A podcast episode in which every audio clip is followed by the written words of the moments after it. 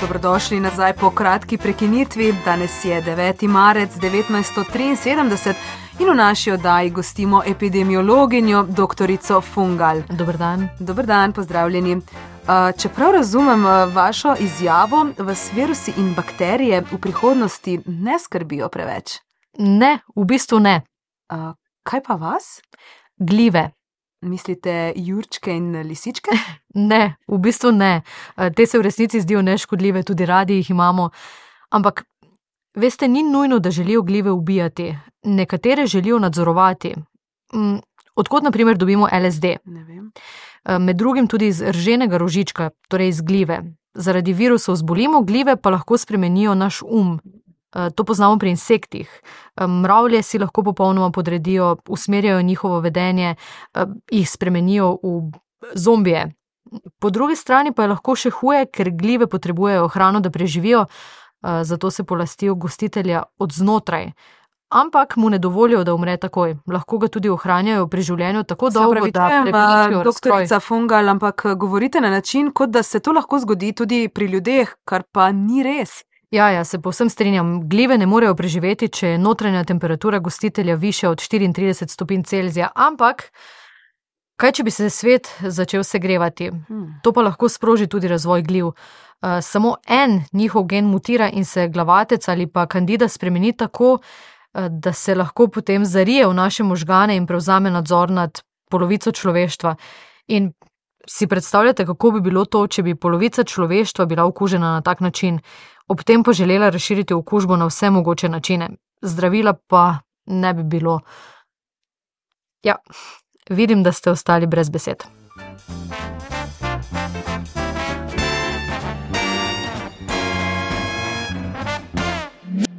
Frekvenca X, radijski laboratorij na valovih znanosti. Dobrodošli 50 let pozneje, dobrodošli v Frekvenci X.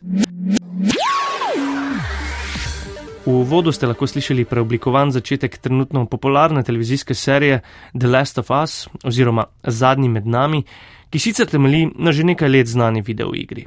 Zgodba gre v smeri, da glive iz rodu Cordyceps zaradi globalnega segrevanja začnejo mutirati in se ob pomoči hrane naselijo v človeka, ki ga pred njimi ne ščiti več telesna temperatura.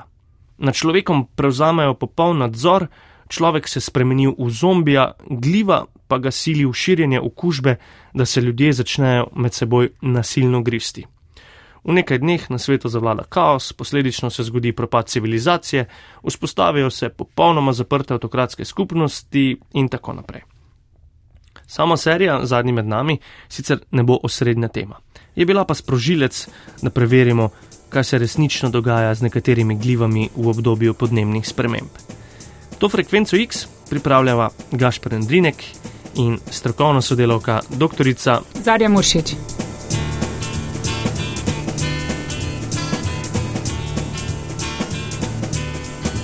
Kar se tiče zdaj globalnega segrevanja. Ne? Ena večjih slovenskih strokovnjakov na področju kraljestev gliv je Nina Gunde Cimerman, sem ekologinja, profesorica mikrobiologije iz Biotehnične fakultete, oddelek za biologijo in vodim katedro za molekularno genetiko in biologijo mikroorganizmov. Ukvarjam se pa že celo življenje profesionalno z glivami. Profesorica dr. Nina Gunde Cimerman je posebej za frekvenco X gledala tudi serijo Zadnji med nami. Globalno segrevanje je vsekakor dejavnik, tukaj se strinjam z temi, ki so naredili ta zelo grozljiv film vendar bodo ti procesi počasni, bodo zahtevali veliko časa, da se bodo množično glive prilagodile. Dejstvo je, da so se določene glive že prilagodile na življenje v toplejšem okolju. In dejstvo je, da ljudi pred mikroorganizmi, zlasti pred glivami, ščiti predvsem visoka telesna temperatura.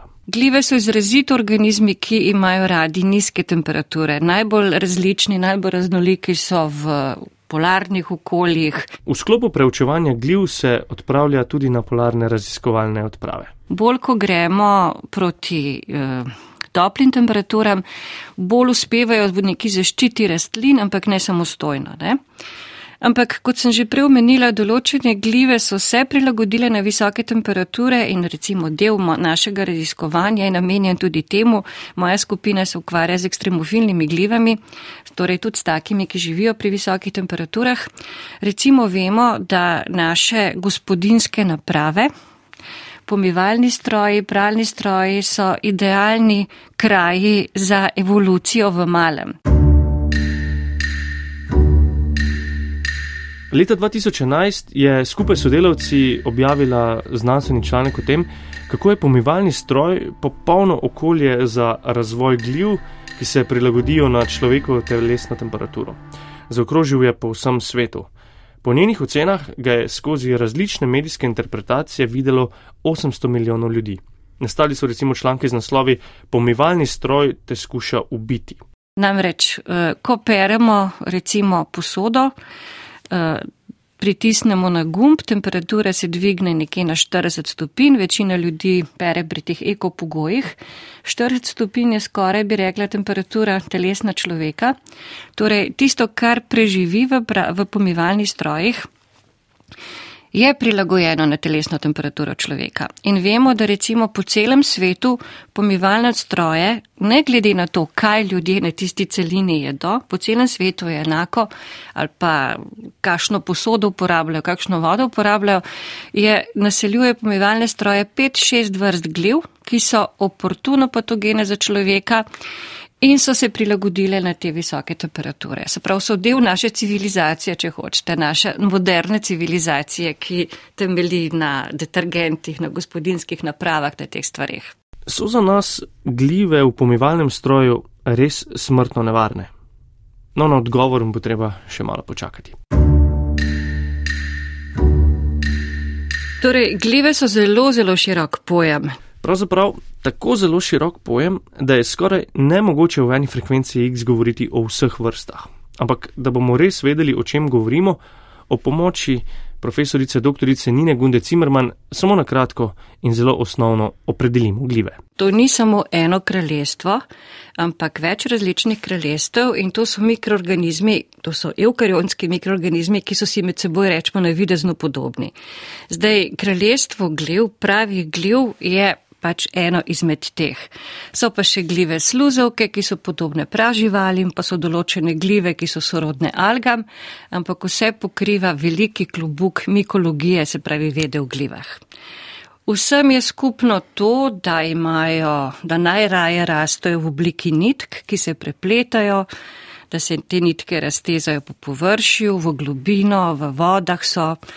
In vsem je skupno tudi to, da so sposobne razgrajevati najrazličnejša, najrazličnejše molekule, najrazličnejša hraniva. Zdaj na vrsto pridejo zombiji, čisto pravi.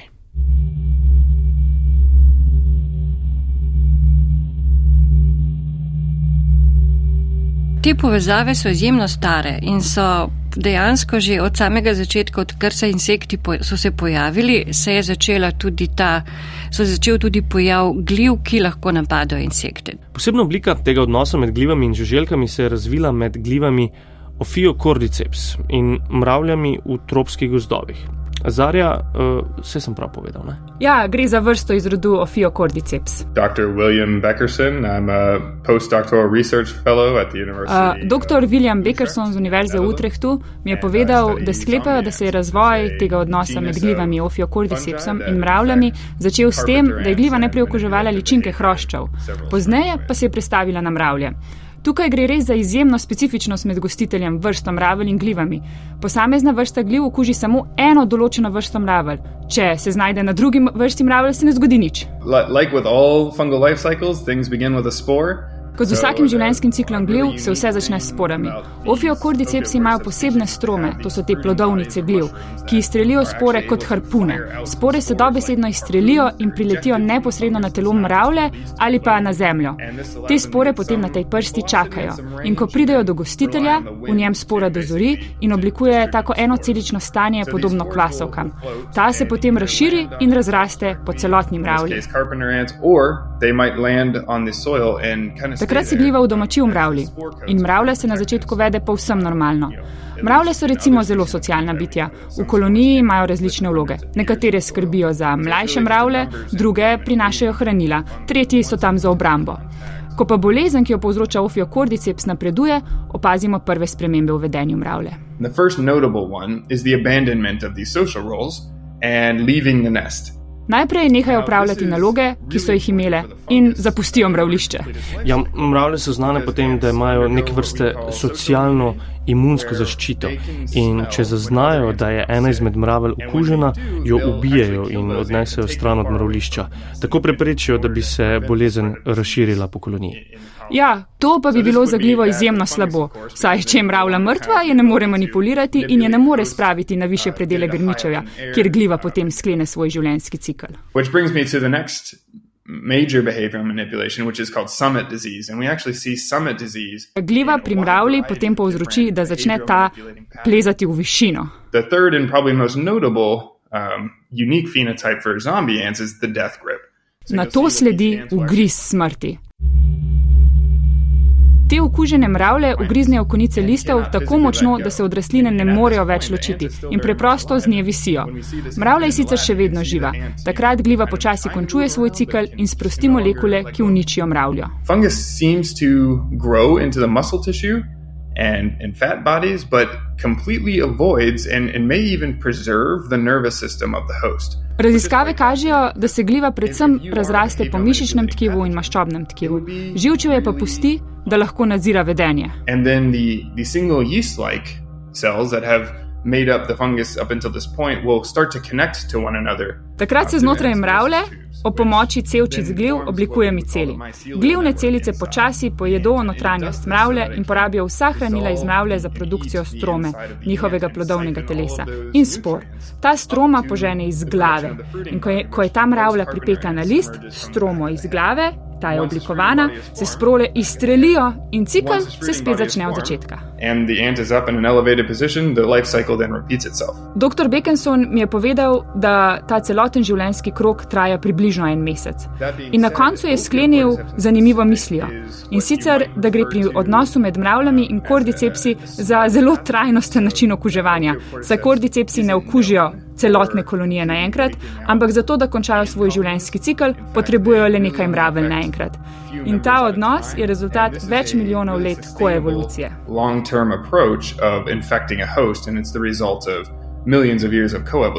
Zelo poenostavljeno bi lahko rekli, da na neki način glive že zelo, zelo dolgo nadzorujejo populacijo žuželk.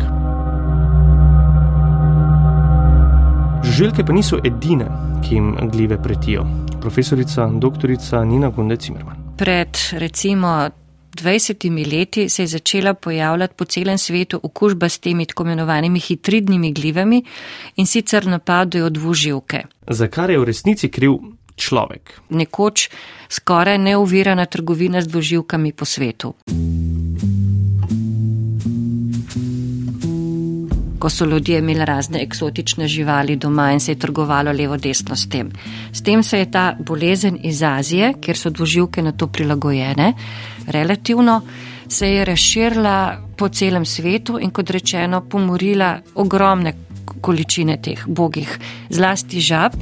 Ampak tudi močerado in jim podobnih živali. Zaradi okužbe s temi hitridnimi glivami je izginilo 90 vrst dvoživk. Te hitridne glive pa so že v Sloveniji. Ugotovili smo, da ena od teh dveh vrst, hitrit, je že v Sloveniji, je na meji z Mačarsko, tam kjer imajo te farme žab, kjer gojijo žabe za jedilne namene, ampak je zaenkrat še na meji, ni se še razširila po Sloveniji. Drugih vrst hitridnih gljiv, ki napadajo močerade, v Sloveniji še niso zasledili. Ampak glede na to, da jo imajo vse druge države okrog nas, je to najbrž vprašanje časa. Vprašanje, ki se pa ob tem zastavlja samo od sebe, je, ali je ogrožen tudi slovenski naravni ponos. Dobra informacija, taka uh, informacija, ki najbrž bo razveselila vaju in tudi publiko, je pa to, da ko smo gledali, če človeško ribico ogroža ta konkretna hitrida, zgleda, da ne, da človeška ribica ima nerazvito kožo, rečemo, da je neutenična. Ta hitrida pa napada predvsem kožo zrelih dvoživk, ki imajo keratin, človeška ribica ga skoraj nima, torej človeška ribica zaradi tega ne bo odmrla, je pa lahko pa služi kot rezervoar za razširjanje te bolezni v kraškem sistemu. To pa ni tako dobra novica. Vse to pa še ne pomeni, da do zdaj kakšna živalska vrsta v Sloveniji še ni izginila zaradi gljiv. Potočni raki.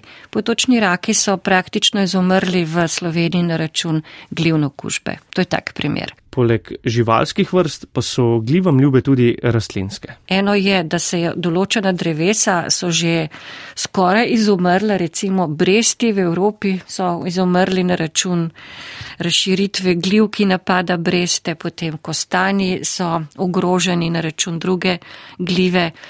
Poseben problem pa seveda predstavlja tudi propadanje hrane, se pravi to, kar gljive napadajo in uporabljamo za hrano. Profesorica dr. Nina Gunde Cimerman omenja banane. Posod tam, tam, kjer banane uvažamo, uvažamo, uvažajo. Eno samo monokulturo banan, tako imenovane Cavendish banane, in ena gljiva se je prilagodila točno na napad teh banan in dela strašno škodo po nasadih banan po celem svetu se pravi vseh tistih ostalih različnih vrst banan pa ne napada.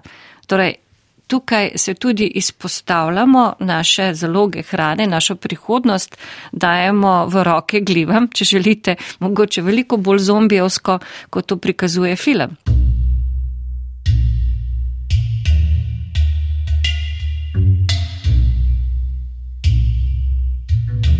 Uvodna špica serije Zadnji med nami ki povezuje tokratno frekvenco X, z animacijo prikazuje širjenje gljiv.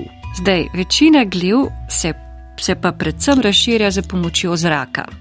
In glavna nevarnost ljudem, živalim, preti ravno s tem, ko vdihnemo spore, ki so prisotne v zraku. In če so v zelo velikih koncentracijah, seveda je možnost, da se kaj zgodi toliko večja. Spet, če imamo dobro delujoč imunski sistem, naš imunski sistem s tem upravi. Če ga pa nimamo, se pa taka gliva lahko naseli v pljučih, lahko tam oblikuje take tumorjem podobne tvorbe, lahko se razširi iz pljuč po telesu, po krvožilju, lahko preide iz pljuč tudi v možgane, ker nekaj gliv je znanih, ki so neurotropne. Zapravi, to je ta možnost. Ne? Tretji način, kako pride gliva v telo, je pa preko zaužitja hrane. Da se to ne bi dogajalo, ima živilska industrija veliko regulativ na tem področju. Torej, s hrano težko. Bolj bi bila verjetna opcija, jaz, če bi bila uh, strokovni sodelavec pri filmu, bi predlagala vdihovanje spor. Ta je dosti bolj verjetna. So, although, um, the idea of um, fungal infections spreading by bites and, and things like that, that, that's quite unlikely. There's not any evidence of that. Tudi meni se zdi zelo neverjetno, da bi se gljive med ljudmi širile preko ogrizov. My name is Dr. Rebecca Drummond. I'm an associate professor. Doktorica Rebecca Drummond z Univerze v Birminghamu se ukvarja z imunskim odzivom na glivne okužbe. Povedala je, da poleg vode, zraka in hrane, na katere nas je opozorila že doktorica Nina Gunde Zimmerman, pomemben način širjenja, predvsem v zdravstvenih ustanovah in skrbstvenih zdravstvenih ustanovah predstavlja dotik površin. Nekatere gljive namreč preživijo na naši koži.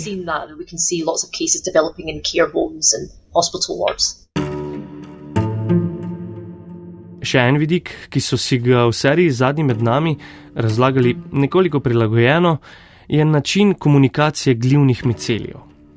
V zgodbi se zombiji zbudijo, že če samo nekdo nič hudega sluteč stopi na del micelija, ki je lahko več kilometrov stran. Tudi v resnici lahko glivni miceli razprostrajajo svoje nitke zelo daleč. To je še posebej izrazito v gozdu, kjer po nekih teorijah poteka prava gozdna komunikacijska mreža ali Wood Wide Web. To je to, ko mi celi različni gliv se pod zemljo povezuje med seboj in s tem povezuje drevesa. Nekaj vsekakor gotovo je na tem. Med miceli lahko potekajo hude vojne. Miceli se lahko srečajo in sproščajo različne antagonistične snovi, se opremijo s pigmenti, se obrnejo stran od drugega, naredijo pregrade. Mogoče se boste spomnili veliko krat se na kakšnih sejmih prodaja take značilne lesene sklede, ki imajo take nepravilne črte. take naravne črte v, v lesu, z kakšnega tropskega lesa. No, to je odraz bivših kontaminacij tega lesa z glivami, z miceljem. V tistem, v tistem lesu sta se ta dva micelja srečala in se obrnila en preč od drugega in potem nastanejo te dekorativne črte. Komunikacija torej več kot očitno poteka. Ja, zagotovo se nekaj dogaja v prsti. A raziskovalna skupina v nedavno objavljeni študiji v reviji Nature opozarja, da smo še vedno na ravni teorije in moramo izvesti več raziskav v sami naravi, da bomo res vedeli, kaj vse se dogaja pod našimi nogami. To je težko meriti in te stvari so pod zemljo.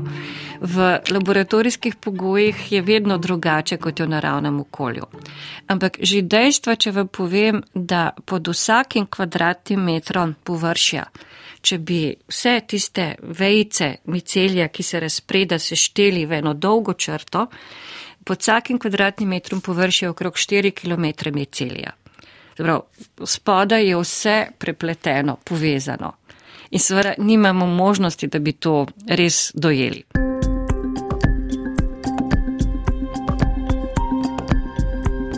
Oddajo smo začeli v letu 1973. Od takrat pa do lanskega leta je bil trend dvigovanja poprečne globalne temperature ni celih dve stopinje Celzija na desetletje. Globalna poprečna temperatura se je torej dvignila za približno eno stopinjo. Kot je že potrdila profesorica dr. Nina Gunde Zimmerman, je globalno segrevanje pomemben dejavnik pri razvoju gljiv. V raziskavi ameriške raziskovalne skupine pa so nedavno poročali o tem, da so zaznali povečano število mutacij ob izpostavljenosti gljiv na toplotni stres. To nakazuje hitro prilagoditev gljiv na povišene temperature in morda tudi za povečano zmožnost povzročanja bolezni. Well, is, uh, Govorila sem z mikologinjo dr. Asijo Gusa z Univerze Duke v Združenih državah Amerike, soavtorico študije, ki si jo omenil. V svojem raziskovanju se posebej posveča glivam iz rodu kriptokokov. Iz tega rodu prihaja več patogenih gliv, njihove spore pa vdihnemo zraka. Se pravi, do človeka pride iz okolja. Ja, po besedah dr. Gusa tudi ni posebej prilagojena na človeško telo. V večini primerov jih naš imunski sistem ustavi, a pri ljudeh z oslabljenim imunskim odzivom lahko povzročijo hudo bolezen vodi do tako imenovanega kriptokoknega meningitisa in privede do unetja in zatekanja možganov. Če jo ujamemo dovolj zgodaj, je zdravljenje uspešno. Zanimivo pa je, da obstajajo primeri, ko že ozdravljen bolnik ali bolnica znova začne kazati znake okužbe. Vse kaže na to, da glivična okužba ostane kar nekaj časa v telesu. Kaj se potem dogaja z glivo, ki je izpostavljena telesni temperaturi človeka? lahko spremeni tudi genom. Ravno to je zanimalo ameriško raziskovalno skupino. V preprostem poskusu so gojili dve skupini gliv. Ena je bila izpostavljena 30 in druga 37 stopinjam Celzija. Po 800 generacijah gliv, kar je trajalo 100 dni, so prebrali genom iz obeh skupin. Pojavile so se posebne kategorije mutacij. Deli genoma, ki jih imenujemo tudi skakajoči geni, so se prestavili na nova mesta v genomu. Kar petkrat bolj verjetno je bilo, da so se skoki genov zgodili pri kriptokokih, ki so bili na 37 stopinjah Celzija, v primerjavi s tistimi na za njih prijetnih 30 stopinjah Celzija. Te spremembe lahko ustavijo ali spremenijo funkcijo določenega gena, ali pa tudi spremenijo količino izraženega gena. To vse skupaj zveni malo kot v seriji Zadnji med nami. Sicer brez zombi apokalipse, ampak po drugi strani tudi ta vrsta gljiv ni iz rodu kordiceps. Sicer pa kriptokoki verjetno niso edine patogene gljive. Sure, so as I said, fungi are mostly um, environmental, so living in an environment, and if the environment is getting hotter, the fungi must. Doktorica Dramond mi je omenila še vrsto Candida auris. Ta gljiva se je v zadnjem desetletju začela pojavljati neodvisno na treh celinah. To vemo zaradi genetskih raziskav. Vse to bi lahko kazalo, da globalno segrevanje vodi v spremembe pri teh glivah. To je sedaj še na ravni teorije, ki jo je kar težko dokazati. A po besedah dr. Drummond to ni slaba teorija. Globalne temperature bodo vsekakor imele vpliv na vse glive. Kakšen vpliv pa bodo te glive imele na nas, še ne vemo. Vsekakor pa jih je potrebno spremljati. And be watching closely.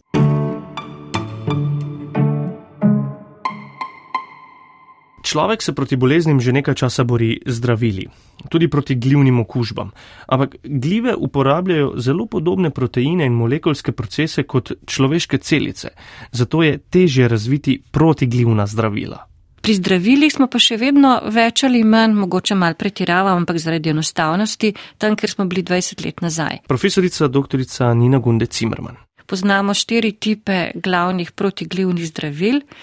Dva temeljita na, na tem, da delujeta na, en, na sterole v membrani gliv, ker drugih tarč pri protiglivnih zdravilih skoraj nimamo, namreč glive so ljudem tako zelo podobne, zaprav glivne celice so človeške celice tako podobne, da zelo težko najdemo neka specifična zdravila. Večino tega, kar prizadene glive, prizadene tudi nas. Ampak recimo ta zdravila, ki sem jih omenila, mi imamo v membranah celic holesterol, glive imajo drugo obliko sterola, ki se mu reče ergosterol. Vseeno moramo pozoriti, da patogene, torej nevarne glive za človeka, po večini prizadenejo ljudi z oslabljenim imunskim odzivom. Ja, zdaj v zvezi z vsemi glivnimi okužbami je tako. Pravih patogenih gliv je zelo malo, manj kot deset vrst. Ampak je pa vedno večje število gliv, ki so oportuno patogene. To pomeni, izkoristijo gostitelja, če je ta imunsko oslabljen. Zdaj je čas, da spet pogledamo v pomivalni stroj. Zdaj, v pomivalnih strojih so glive, ki so oportuno patogene. To pomeni, dokler smo zdravi, fit, vse v redu z nami, nam ne preti nobena nevarnost. Ampak, če bi imeli v družini nekoga z recimo rakavim obolenjem, nedonošenčka, nekega starostnika s celim kupom kroničnih bolezni, bi pa vsekakor bilo pomembno, da bi pazili, kakšen stroj imamo, ker 70% strojev po svetu je okuženih s temi, s temi petimi, šestimi glivami. In te gljive bodo v pomivalnem stroju tako ali drugače. Ne moreš se iznebiti. Ne moreš se iznebiti. Niti z višjo okay. temperaturo če... pranja. Uh, Naši stroji so narejeni tako, da lahko v resnici peremo pri 60 stopinjah, to je največ. V resnici so te temperature nižje, če se pogovarjaš z proizvajalci teh gospodinskih naprav, veš, da je to manj kot 60. In te glive, ki naseljujejo te pomivalne stroje, živijo v obliki biofilmov skupaj z določenimi bakterijami, prek, ne, ne vsaka posamezna, ampak v takih kombinacijah različnih vrst med seboj, lepo zaščitene z polisaharidi, ki jih varujejo pred temi odstopanji. Vse to še ne pomeni, da morate pomivalni stroj zavreči, saj vseeno velja za gospodinsko napravo, ki veliko bolj varčno očisti posodo, kot če bi prali na roke. Tudi profesorica dr. Nina Gunde Cimerman ga ima. Vsekakor pa jaz osebno sem mnenja, da je pametno vsake tok časa oprati na visokih temperaturah. Ne samo na 40, ker to je dobesedno, da prosiš, da se navadijo na telesno temperaturo in da se poleg detergentov čisti stroje tudi recimo z kisom. Kis je taka stara, učinkovita metoda, ampak ne moreš pa um, si misli, da si s tem rešil problem. Začasno si rešil problem, ker se bodo na novo naselile. Pravi, moramo ustvarjati neko sožitje. Skupaj se moramo naučiti živeti in kot rečeno, spet paziti na svoje zdravje.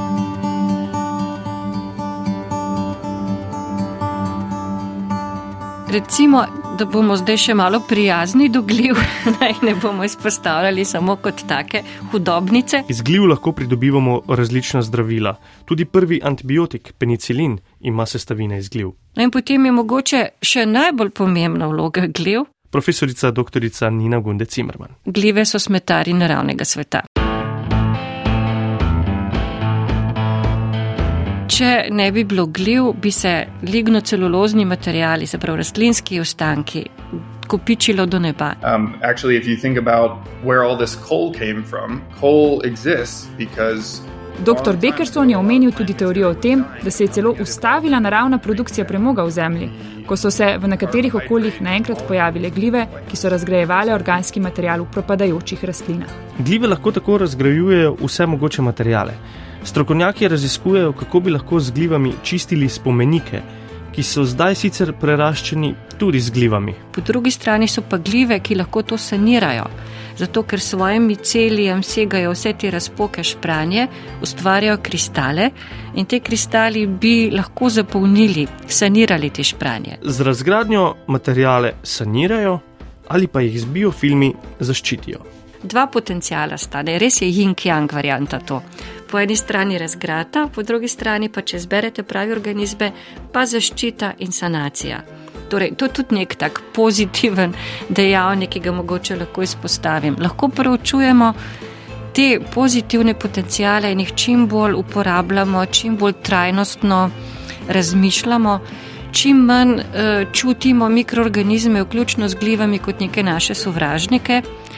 In zato nisem tako naklonjena filmom, ki recimo prikazujejo kot mikroorganizme samo kot sovražnike, ampak lahko dejansko kot neke naše zaveznike, prijatelje, nekaj, kar lahko spravimo na svojo stran in kar nam bo pomagalo. Torej, nič na tem svetu ni črno-belo, vključno z glivami.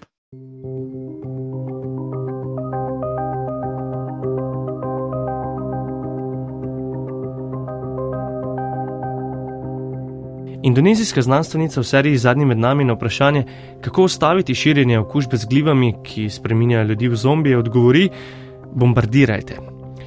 Kot smo že zdaj ugotovili, verjetno tako skrajnih ukrepov prihodnosti ne bo treba uporabiti. Evolucija poteka zelo, zelo počasi. Vseeno pa se med vrsticami pojavlja vprašanje: se moramo gljiv v prihodnosti bati? Jaz mislim, da gljiv ne, moramo se bati sami sebe.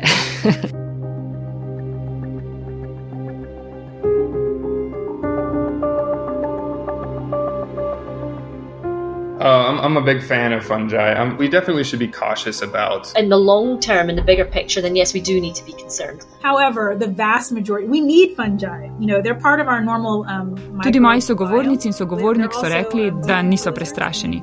Glive so sestavni del našega sveta in tudi živijo na in v naših telesih. Vsekakor pa so glive in z njimi povezani okužbe, pa ne bodo te med živalmi ali pa ogrožajo rastline in s tem globalno oskrbo s hrano, nekaj, kar moramo spremljati. In ravno video igra in zdaj serija Zadnji med nami prinašata dodatno pozornost glivam, ki so sposobne povzročiti bolezni in kako je to povezano s podnebnimi spremembami. Glive se samo prilagajajo in se samo odzivajo. In zdaj, kar se tiče glivnih bolezni, kot smo se pogovarjali, dokler smo zdravi, dokler smo v redu, dokler se približno pametno obnašamo, ni nobenih razlogov za skrb. To bi res rada podarila. Nočem tukaj nobenih takih strahov vzbujati, ker so nepotrebni. Kot nam življenje na Zemlji narekuje, že odkar smo, moramo se prilagoditi, predvsem pa se vse čas zavedati, da na tem planetu nismo sami. Seveda pa, če smo uh, šipki, oslabljeni, omejeni na določen prostor, zlasti tisti ljudje, ki večino življenja, že danes že vsi preživimo večino življenja v notranjih okoljih. 90% časa smo v notranjih okoljih v razvitem svetu. Zdaj pa, če to nek bolnik, je pa še toliko več. Ne? Taki ljudje pa seveda morajo svoj način življenja, svoje razmišljanje prilagoditi temu, da morda v njihovi neposrednji bližini so tudi mikroorganizmi, glive v tem primeru, ki se skupaj z njimi privajajo na neke nove dejavnike in morajo to vzeti v obzir. Ampak to se mi zdi, da spada pod domeno pametnega razmišljanja, neke kmečke logike v bistvu. Zato je prav, da so ljudje informirani, da vedo in se ustrezno odzivajo. To ne pomeni neke panike, ampak pač pametno obnašanje. Vseeno sva Zarijo, profesorico dr. Nino Gunde Cimerman vprašala, ali obstaja kakršna koli rešitev, da bomo prilagojeni na izzive, ki nam jih prinaša življenje v prihodnosti v povezavi z globalnim segrevanjem ter razvojem gljiv, sobivanjem in prilagajanjem. To je poprašanje bolj zavedaže kot za znanstvenike. V resnici so stvari tako kompleksne in jaz osebno nisem kakšen hud optimist, kar se tiče tega, v kaj se ta svet spreminja. Te, vse te globalne spremembe se mi zdi, da ne vodijo ravno najbolj ta pravo smer. Torej, kaj bi mi lahko naredili? Mi bi se morali na vse to, kar opažamo, odzvati, ampak kot vemo, to zelo slabo počnemo. Ne? Se pravi, je, so čist drugi momenti tisti, ki krojijo naše usode kot neka zdrava pamet, se bojim. Znanstveniki sicer lahko raziskujejo in predlagajo ideje, ampak so te spremembe tako velike, da en posameznik težko kaj premakne. Ti vsi skupaj bi se morali povezati in se odločiti, da tako ne gre naprej in nekaj ukreniti v zvezi s tem.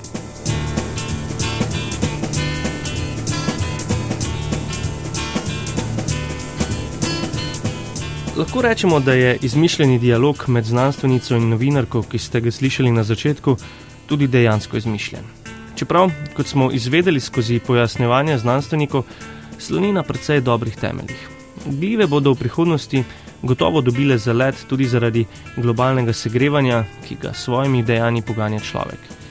Da bi pa prišli do razsežnosti, kot jih prikazuje serija Zadnji med nami, je precej manj verjetno. Še posebej v tem, da bi nas gljive spremenile v krvoločne zombije. A brez skrbi, gljive bodo udarile druge. Njihov udarec pa lahko izkoristimo tudi v svoj prid.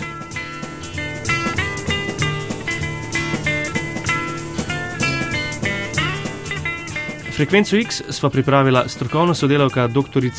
Zarja Muršič in Gašpar Andrinek. Frekvenco X poiščite na val202.si in v vseh aplikacijah za podkaste. V frekvenci X radi odgovorimo tudi na vaše vprašanja. Pišite nam prek elektronskega naslova frekvenca X, afnaratavslo.si, v Facebook skupini Frekvenca X ali pa na Twitterju, kjer smo tudi afna frekvence X. Glive nam lahko preidejo tudi v naše možgane, ampak pri glivah se za zdaj ustavimo. Tema naslednje epizode pa bodo možgani. Frekvenca X, radijski laboratorij na valovih znanosti ponedeljek 13. marca se začenja teden možganov, letos z naslovom Na koncu jezika. Jezikovno izražanje predstavlja pomemben del našega vsakdana.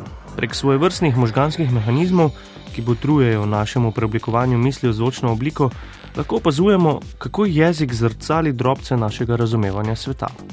No in ena izmed takšnih oblik so lahko tudi kletvice. In tem se bomo posvetili naslednji teden na frekvenci X, ko v tednu možganov tradicionalno združujemo moči z oddajo in podkastom Možgani na dlani z našega prvega radijskega programa. Ne zamudite, avtorja Mojca Delač in Luka Hvalc obljubljata, da boste dostojna. Frekvenca X. V četrtek opovdne.